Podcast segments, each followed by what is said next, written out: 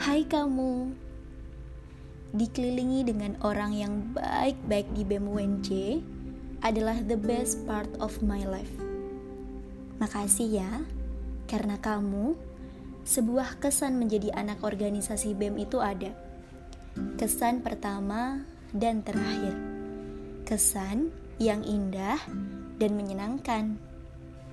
Mungkin mereka yang demis kemarin adalah orang-orang yang sudah menapaki dunia perbeman bertahun-tahun. Berbeda denganku. Pertama, dan mungkin akan jadi yang terakhir. I don't know. Banyak pertimbangan untuk lanjut. Salah satunya, orangnya nggak lagi sama.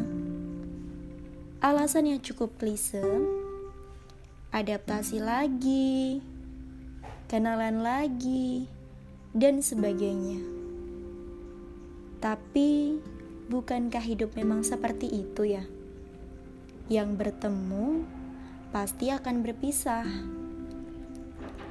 Banyak-banyak terima kasih buat orang spesial yang sudah membuka jalanku untuk menjadi bagian dari kamu.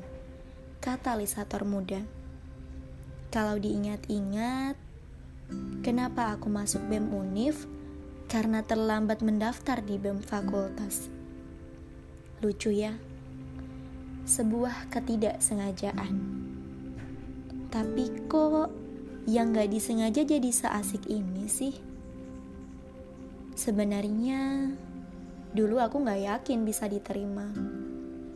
Rata-rata yang daftar di BEM Unif pasti orangnya keren-keren punya background yang menjamin, punya pengalaman wawancara yang baik.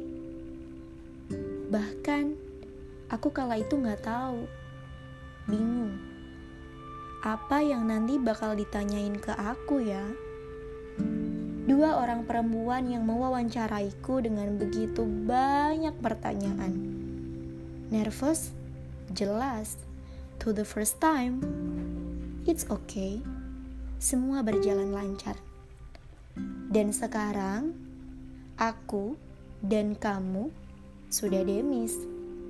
Satu tahun yang menyenangkan, satu tahun yang membawa kesan, dan satu tahun yang banyak pelajaran. See you on the next time.